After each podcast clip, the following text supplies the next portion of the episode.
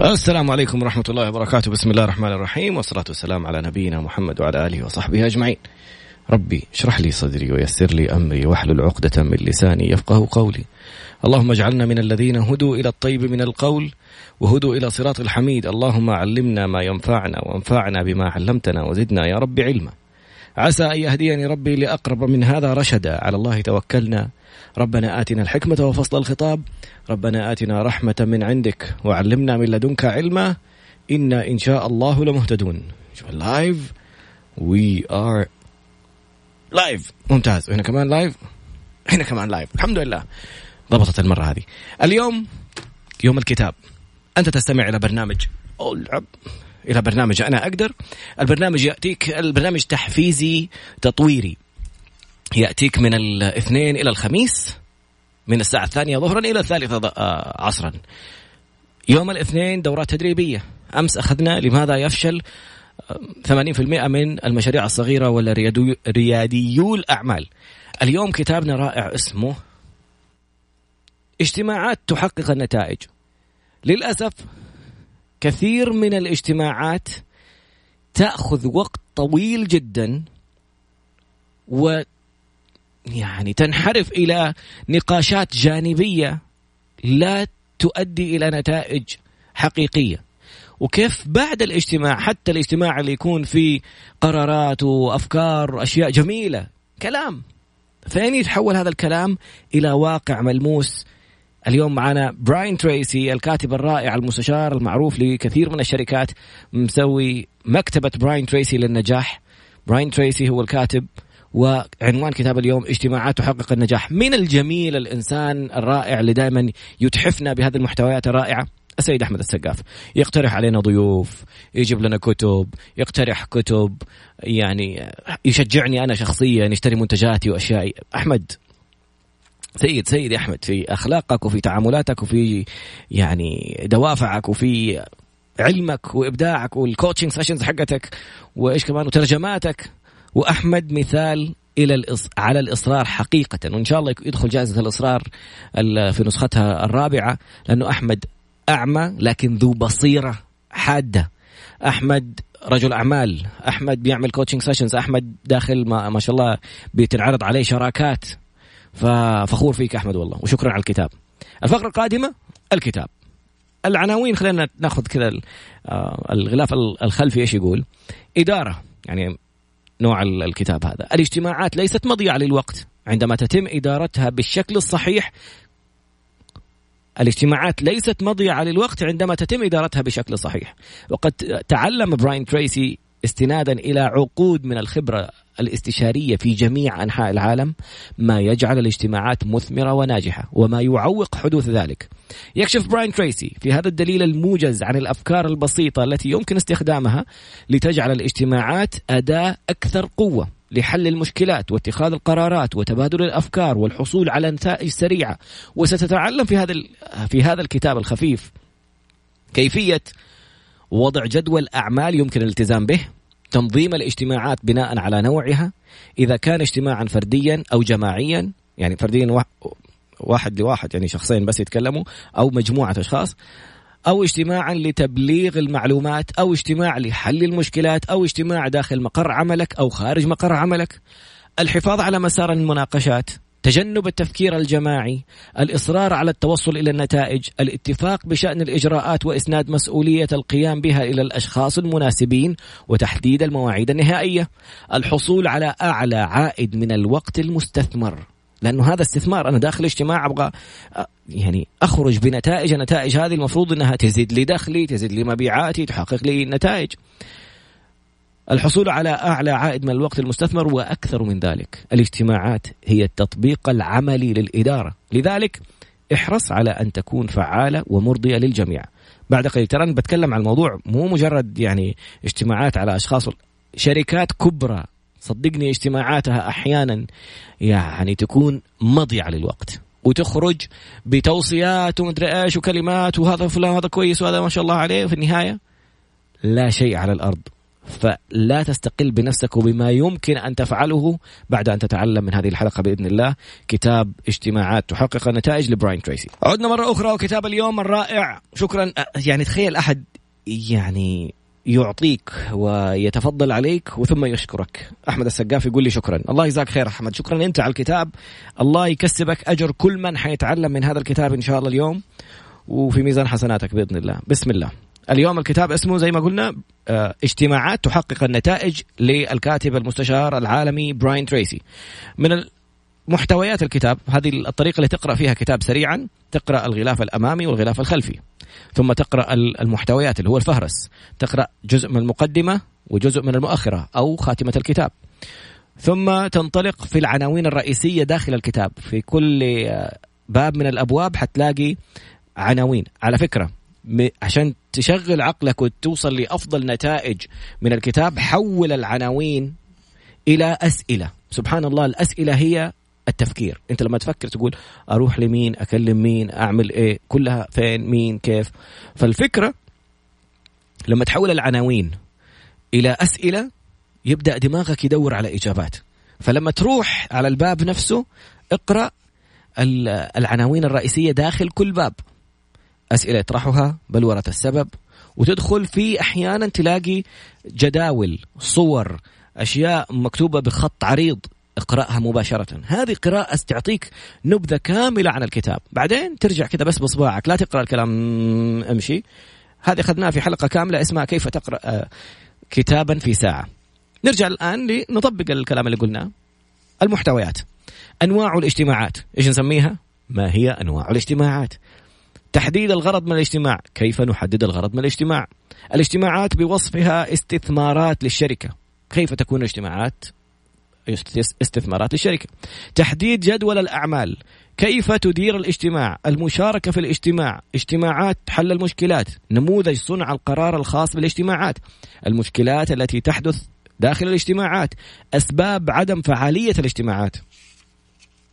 الاجتماعات الفردية. اجتماعات تفويض المهام الاجتماعات التي تعقد خارج مقر العمل تنظيم مرافق الاجتماعات الداخلية تنظيم مرافق الاجتماعات الخارجية تنسيق القاعة من أجل الاجتماع العروض التقديمية في الاجتماع تطوير الثقة بالنفس في الاجتماعات قانون باركنسون في الاجتماعات نصائح من أجل اكتساب الفاعلية الشخصية في الاجتماعات الاجتماعات باعتبارها التطبيق العملي للإدارة الخاتمة الفهرس.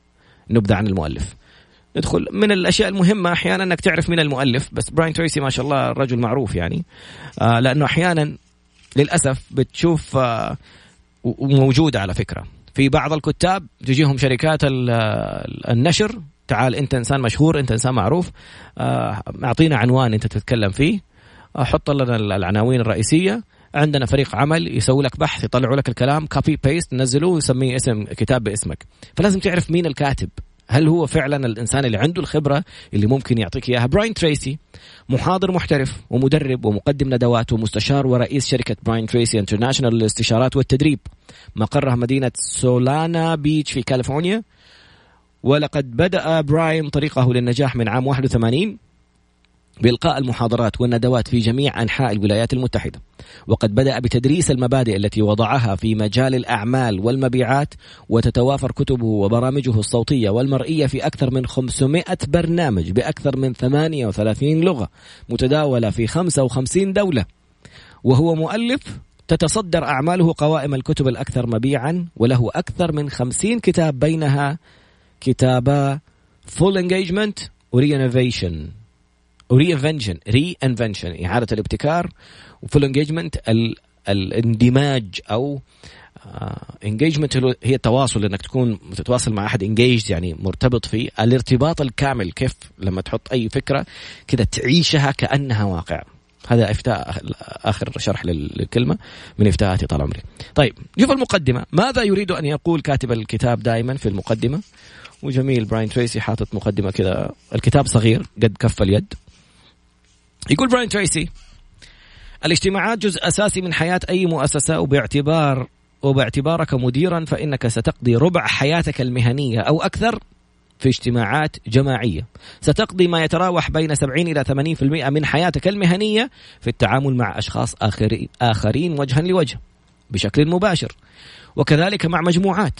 كلما زاد عدد الاجتماعات أو الأشخاص الموجودين في مكان عملك زاد التعقيد المطلوب لأداء المهمة المترابطة زادت حاجتهم إلى الاجتماعات في مجموعات لحل المشكلات واتخاذ القرارات ومشاركة المعلومات وتبادل الرؤى والآراء. وتعبيري المفضل هو أن الاجتماعات هي التطبيق العملي للإدارة وهي فرصة كبيرة لإظهار كفاءتك الإدارية أو عدمها. علاوة على تطوير علاوة على تطوير مهارات التواصل لديك للتأثير في الآخرين وإقناعهم والمضي قدما في تحقيق أهداف المؤسسة. لكن الاجتماعات مثل الإعلانات حيث تشير التقديرات إلى أن 50% من الأموال التي تنفق في الإعلانات يتم إهدارها. هذه الإحصائية قوية والله. لكن لا أحد يعرف على أي شيء تهدر تلك الخمسين في المئة. ويقال أيضا إنه يتم إهدار نصف الوقت الذي يتم قضاؤه في الاجتماعات. لكن لا أحد يعرف كيفية تقليص هذا النصف غير الضروري أو الضائع. والعديد من الاجتماعات إما تستغرق وقتا طويلا أو إما تكون غير فعالة وإما أنها لا تحقق أي نتيجة أو تكون غامضة وغير محددة الهدف ومع ذلك لا يمكننا تجنبها. فلا تزال الاجتماعات ضروري ضرورية جدا في بيئة العمل وضرورية لتحقيق نجاحك أنت. التأثير في الآخرين هذا برضو في المقدمة. ستتعلم في هذا الكتاب كيفية إدارة الاجتماعات والمشاركة فيها بشكل أكثر فعالية. وباعتبارك مديرا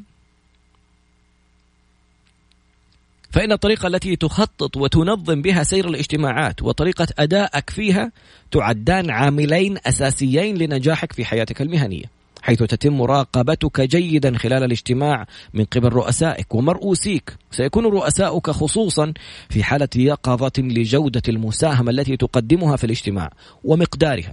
فإن تصرفت بشكل جيد في الاجتماعات فستتميز بكونك قائدا ناجحا ويمكنك أن تتألق وتصبح أحد المساهمين البارزين أو قد تخفق بشدة فالأمر عائد إليك.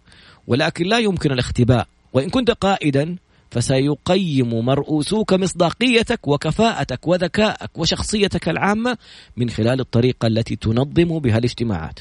إن المسؤولين التنفيذيين الناجحين هم الذين يعرفون كيفية إدارة الاجتماعات بشكل جيد. يؤدون العمل بشكل فعال في بيئة الاجتماعات. يقول بيتر دراكر هذا الشخص يسمى أبو الإدارة الحديثة بيتر دراكر. يقول بيتر دراكر أن الاجتماعات هي الأداة الرئيسية للإدارة. وبما أنك ستقضي جزءا كبيرا من حياتك المهنية فيها فمن الضروري من أجل تحقيق نجاحك أن تتعلم كيفية الحصول على أقصى استفادة من الاجتماعات وكيفية التأكد من أن الاجتماعات التي تشارك فيها تحقق النتائج المرجوة. توفير الوقت هذا آخر نقطة في المقدمة. يقول براين تريسي إذا أصبحت تتقن المشاركة في الاجتماعات وتنظيمها يمكنك استعادة ما يصل إلى 40% من الوقت الضائع في يومك للقيام بعمل مثمر والحصول على المزيد من النتائج من النتائج مما سيساعدك على ارتقاء السلم الوظيفي بسرعة ولكن إن لم تتمكن من العمل بشكل متقن في الاجتماعات فلن تتمكن من تحقيق النجاح في الإدارة. سنتحدث في هذا الكتاب عن نوعين رئيسيين من الاجتماعات. النوع الأول هو الأكثر شيوعا هو الاجتماع الجماعي حيث يجتمع أشخاص يجتمع الأشخاص معا لعدة أسباب مختلفة.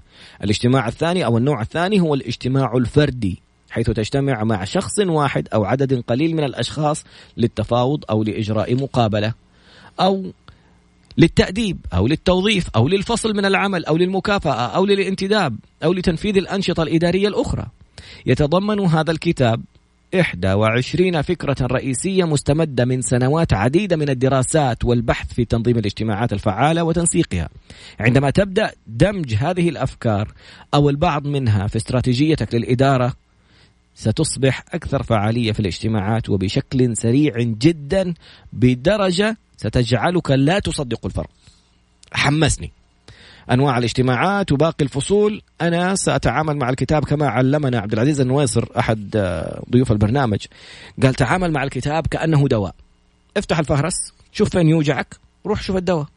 بعد قليل نختار أحد المواضيع من العنوان. إن شاء الله. كم مرة اجتمعت مع أشخاص وتبغى تحقق نجاح في خطوات بعد اجتماعك وخلص الاجتماع. ولا صار شيء. ولا انت كلمتهم ولا هم كلموك. وصلتوا انكم من كثر ما انه انت ما رديتوا. هم ما ردوا كلكم قفلتوا على الموضوع وراحت عليكم الفرص الخرافية. كثير من الفرص موجودة أمامك في في في السوق في اجتماعات عمل في أفكار في تواصلات في اتصالات. هل تأخذ خطوتك ما بعد الاجتماع بطريقة احترافية؟ هذا ما سوف نتعلمه نتعلمه أيوه. ما سوف نتعلمه من نموذج صنع القرار الخاص بالاجتماعات.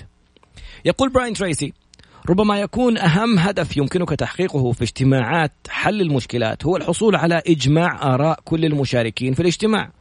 فمن دون وجود إجماع كامل للآراء سيميل الأشخاص بشكل طبيعي إلى الامتناع عن دعم القرار وإعاقته بشكل فعال لأنهم لا يوافقون عليه.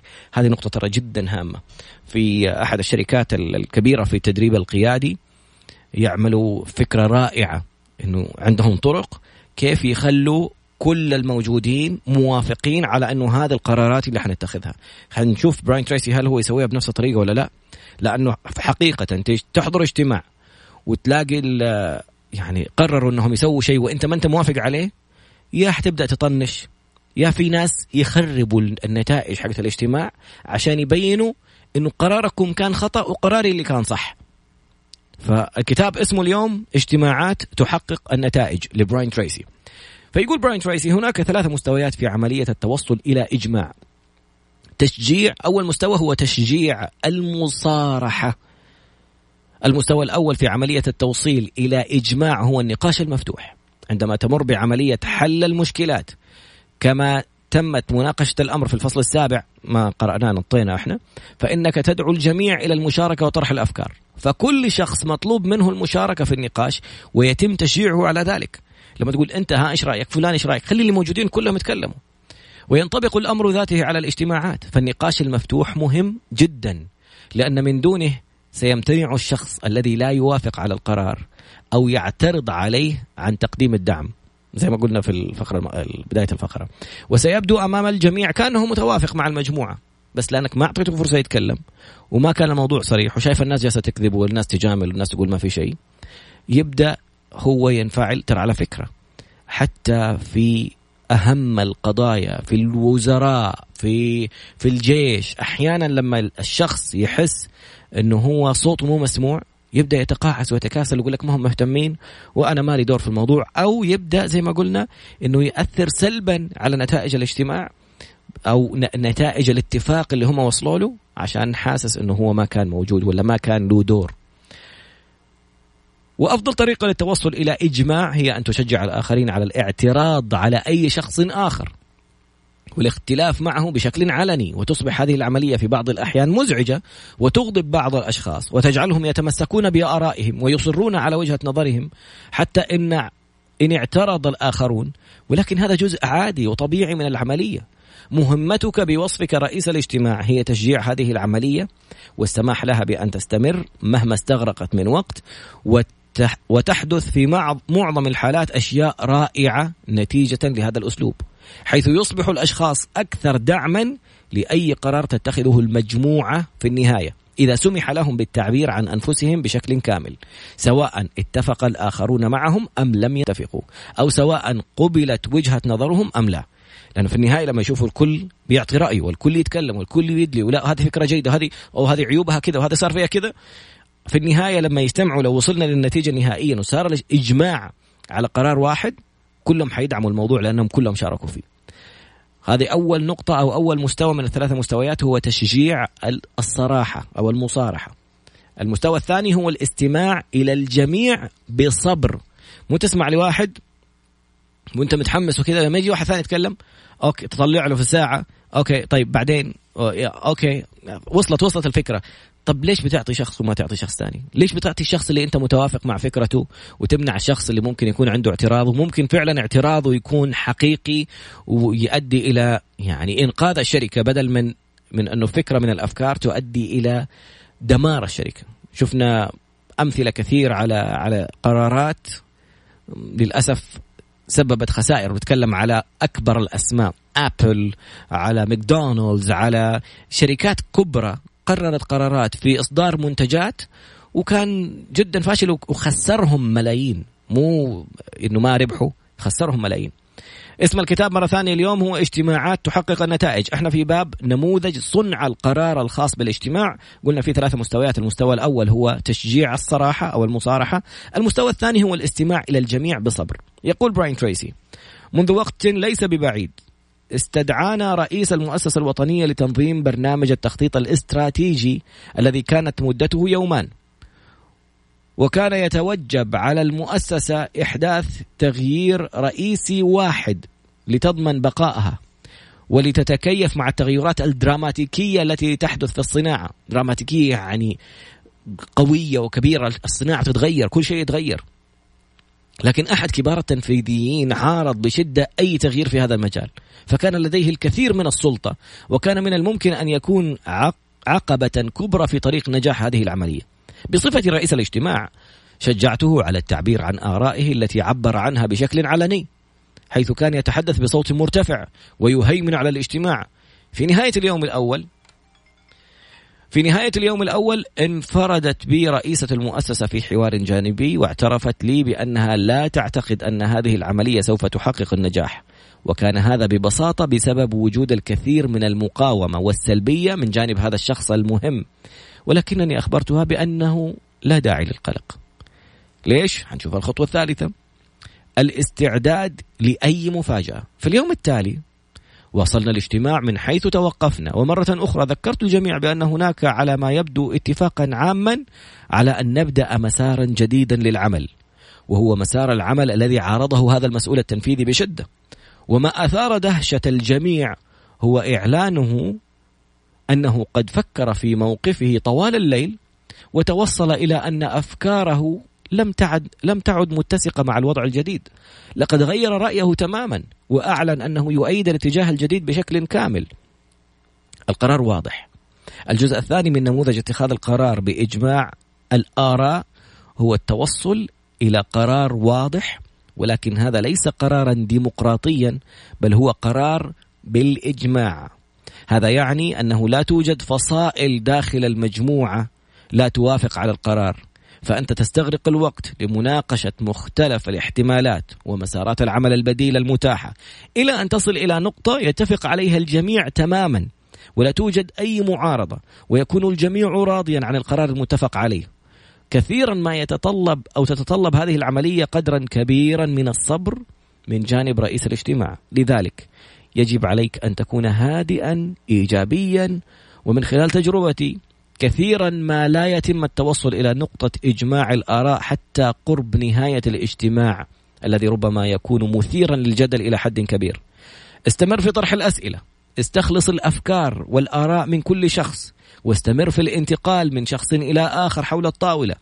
حث الأشخاص على المشاركة والتعليق، دع العملية تسير بطبيعتها، مع العلم أنه إذا حافظت على هدوئك وإيجابيتك في نقطة معينة فسيحدث ما تريده. سيتفق الجميع بعضهم مع بعض ولن تجد أي جدال أو معارضة ويختتم النقاش بشكل طبيعي من تلقاء ذاته. هل تكلمنا الآن على فتح الفرصة للجميع؟ هذا المستوى الأول تشجيع المصارحة. المستوى الثاني الاستماع إلى الجميع بصبر. المستوى الثالث يسموه الالتزام الكامل. الجزء الثالث من نموذج من نموذج الإجماع هو الالتزام الكامل.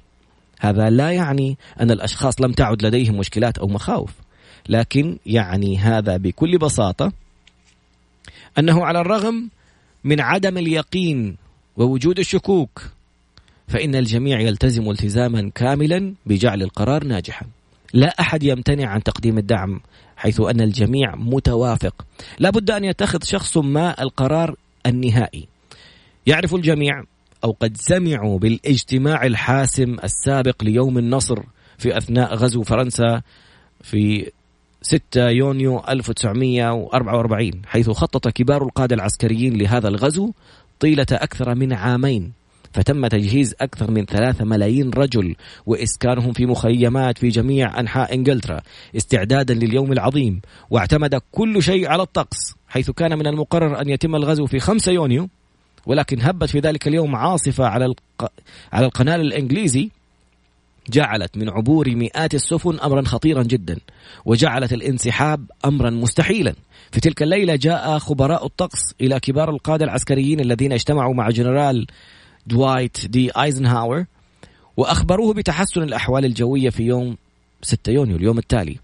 وقد تفتح نافذة أمل ولكن يمكن أن تغلق بسرعة إذا تغير الطقس. بعد دراسة جميع المعلومات تفحص وتفحص وجوه بقية القادة الآخرين حول الطاولة حيث كانوا ينتظرون في ترقب.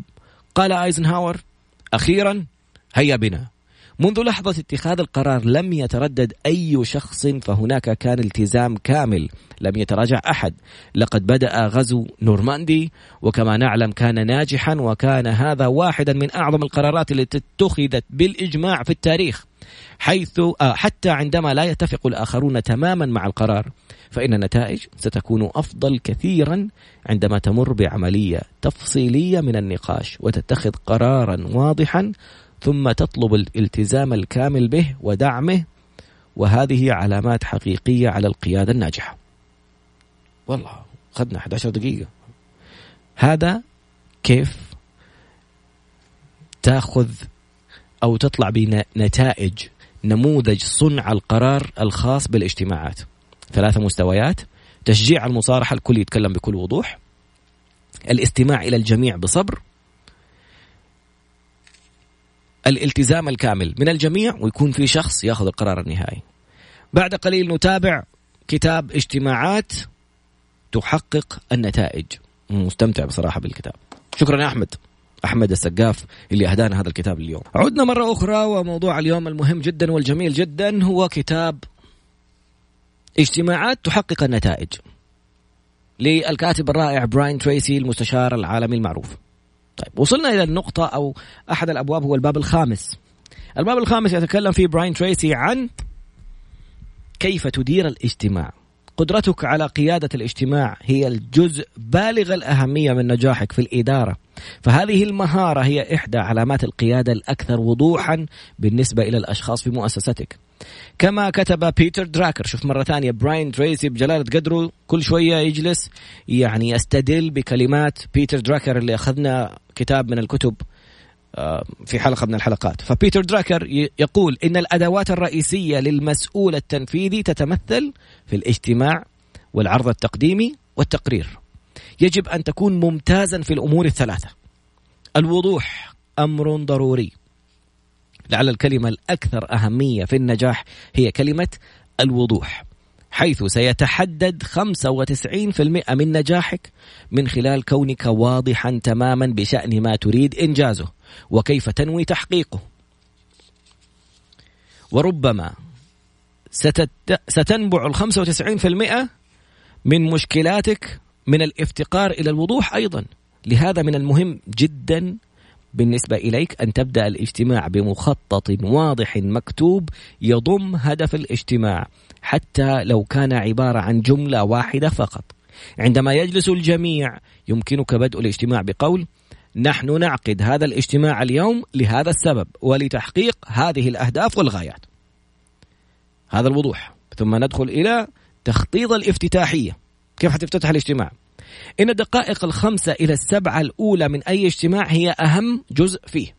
الافتتاحية ترسي الأساس تحدد المعايير تنظم الشروط المرجعية تطلع الجميع تطلع جميع من في الغرفة على أسباب وجودهم في الاجتماع وعلى المدة التي سيجتمعون فيها وعلى ما يجب إنجازه. يمكنك حتى التفكير في كتابة المقدمة. كلمة. كلمة كلمة. ثم تقرأها بداية الاجتماع. هذا الوضوح يسمح للشخص الذي لا يعرفك أو الذي ليس على علم بالموضوع بمسايرة المستجدات من البداية. عارفين إحنا إيش جايين نسوي وإيش اللي ساير وفين حنروح. وكن محددا ودقيقا فيما يتعلق بتوقيت الاجتماع. فيجب على الجميع معرفة متى يبدأ الاجتماع ومتى ينتهي الاجتماع بالضبط. هذه المعلومات يجب أن تكون مطبوعة في أعلى جدول الأعمال ولكن عليك أيضا إعادة ذكر ذلك في المقدمة التي ستلقيها. متى حيبدأ الاجتماع؟ متى حينتهي الاجتماع؟ كثير من الناس للأسف إن كان في فعاليات ولا إن كان في أوقات ولا إن كان في أي شيء يعني وكان لي تعليق في أكثر من مناسبة. الناس جاية تبدأ في وقت والموضوع يتأخر في البداية يؤثر على وقت نهاية الاجتماع ولا الحدث ولا ال event ولا اللي يكون. لما يكون عندك أمر إضافي تبغى تقوله خارج الاجتماع تستأذن الناس إنه إذا ما عندكم شيء تبغى هذه أشياء شخصية جلسه بفتي على براين تريسي. خلينا نخلص براين تريسي بعدين نشوف التجارب الشخصية. البدء في الوقت المحدد. شكرا. خلاص أسمع كلام الرجال بعدين قول رأيك. البدء في الكلام المحدد. في الوقت المحدد عفوا. ابدأ الاجتماعات في الوقت المحدد له ولا تعاقب الأشخاص الذين أتوا في الوقت المحدد بجعلهم ينتظرون الآخرين الذين تأخروا تأخروا عن موعد الاجتماع. لذلك افترض افترض أن الشخص الذي تأخر لن يأتي على الإطلاق وابدأ الاجتماع على الفور. وقد كانت هذه النصيحة لا تقدر بالثمن بالنسبة إلي قبل أن أصبح مديرا. إذ تأخر أحدهم واكتشف أنه قد فاتته بعض المعلومات المهمة فلا توافق على البدء من جديد أو استعراض هذه المعلومات مرة أخرى. فقط لأجله. يعني لا ترجع واحد دوبه جاي متأخر. طب فلان جاء خلينا نعيد نقول إحنا إيش كنا نقول؟ ليه؟ هو اللي تأخر هو اللي ما احترم الاجتماع. لأنك عندما تلبي احتياجات المتأخرين تعاقب بذلك الأشخاص الذين أتوا في الوقت المحدد. عندما يبدو الشخص المتأخر غير كفء بعض الشيء سيفهم الرسالة في النهاية. سيكون أكثر حرصا في المرة التالية. وتبني العديد من الشركات سياسة إغلاق الأبواب من الداخل. فإذا كان موعد الاجتماع في العاشرة صباحا فأنها تغلق الأبواب في العاشرة ودقيقة. عليك فعل هذا الأمر مرة واحدة لتجعل الأشخاص يحضرون في الوقت المحدد في المستقبل. واو! تخيل. تخيل ممكن تسوي كده رايح اجتماع أنت متأخر دقيقة الباب مقفول. أنت ما تدخل. الإدلاء بتصريح. إذا كان الغرض من الاجتماع هو حل مشكلة فيمكنك أن تقول إننا هنا لمناقشة هذه المشكلة ولنتوصل إلى قرار أو استنتاج أو حل في سبيل المضي قدما. إليكم الحقائق المتعلقة بهذه المشكلة. حط الحقائق. وإليكم المعلومات التي لدينا والبدائل التي فكرنا فيها. وإليكم معلوماتنا المتعلقة بالسوق. الآن ماذا نفعل انطلاقا من هذه النقطة؟ أبدأ بالفاكتس يسموها. الحقائق. جميلة جدا هذه النقطة كمان. شجع على إجراء النقاش المفتوح. فمن المهم أن تدعو كل شخص إلى المشاركة وليس فقط الأشخاص الذين لديهم الكثير ليسهموا به. قبل ما نقلب هذه الصفحة ذكرت أحد الأمثلة اللي أخذناها في في بعض الكورسات. شركة حقت معجون أسنان. مبيعاتهم متأثرة جدا وضعفت. فتخيل في واحد من الاجتماعات مو عارفين إيش يسووا فسألوا العاملة يعني من باب اللي حليها يعني أنت كمان إيش إيش رأيك في الموضوع؟ فقالت لهم أنتم تعطوني المعاجين حقتكم معجون الأسنان مجانا وأنا ما أستخدمه. قالوا لها ليش؟ قالت الفتحة حقت خروج المعجون ضيقة أجلس أضغط أضغط وينشف. فأشتري معجون ثاني بفلوسي وأفرش أسناني. فتخيل بس غيروا الديزاين حق علبة معجون الأسنان ازدادت مبيعاتهم بشكل كبير. نتابع على فكر الإدلاء بتصريح. لا تدع الذين يتوقفوا يتوقون إلى الحديث فقط أو لا تدعو الذين يتوقون إلى الحديث فقط بل كذلك ادعوا المنغلقين على ذواتهم وقليلي الحديث. أنت تحتاج على وجه الخصوص إلى مشاركة هؤلاء الأشخاص الذين ربما يترددون بعض الشيء في محاولة التنافس مع الأشخاص الأكثر عدوانية أو الأكثر حزما. فغالبا ما يكون لدى الأشخاص هذه الطباع الكثير ليسهموا به إذا تم تشجيعهم ومنحهم الفرصة. هذه نقطة جدا هامة. شخصيات الناس مختلفة. يعني في ناس ما يحبوا الجدال. في ناس ما يحبوا يرفعوا صوتهم ويخافوا من ال... يحبوا الوحدة والأشياء المغلقة وحتى في في عملهم ما يعرفوا يشتغلوا مع مجموعات كبيرة يبغوا يشتغلوا لوحدهم. هذول النوعين غير النوعين الثانيين اللي هم يسموهم ال expressive الناس اللي يعبروا عن رأيهم بوضوح وصراحة ويحبوا المزح وينكتوا ويسووا. وال drivers ال drivers اللي أصحاب الجديين جدا في العمل اللي بس أصحاب قرارات على طول يقرروا وينفذوا. فإذا كان في في شركتك وهي طبيعي إنهم يكونوا كل أنواع الشخصيات الأربعة. المعبرين والحازمين والودودين والمحللين اللي لو قال كذا هو ما خلاني أتكلم عشان هو شايف رأيي وحيدخلوا في اكتئاب وممكن يحزن ويروح يبكي بعدين. ما نبغى يعني نستقل فيهم لأنه أحيانا فعلا الودودين والمحللين هذول يكون عندهم أفكار رائعة من شخصيتهم التحليلية. والودودة إنه كيف ممكن يعني يخليك تعمل شيء تكسب فيه الجميع. فإذا ما أعطيتهم الفرصة ما حيتكلموا. إذا ما طلبت منهم يتكلموا ما حيتجرأوا يتكلموا. حيخافوا يناقضوا ولا يعترضوا على الشخص الحازم ولا الشخص المعبر. ينجرحوا من أسلوب كلامهم ومن يعني طريقتهم ولا إذا أحد استهزأ برأيهم فلا تسمح للشيء ده إنه يصير. وابدأ خل أعطيهم الفرصة عشان يعني تأخذ أفضل نتيجة من الاجتماع بالكامل. يتابع براين تريسي يقول الطريقة التي تمكنني من جعل الجميع ينخرطون في المناقشة هي استخدام طريقة الدائرة المستديرة. حبيت الدائرة المستديرة على أساس أنه في دائرة مربعة يعني.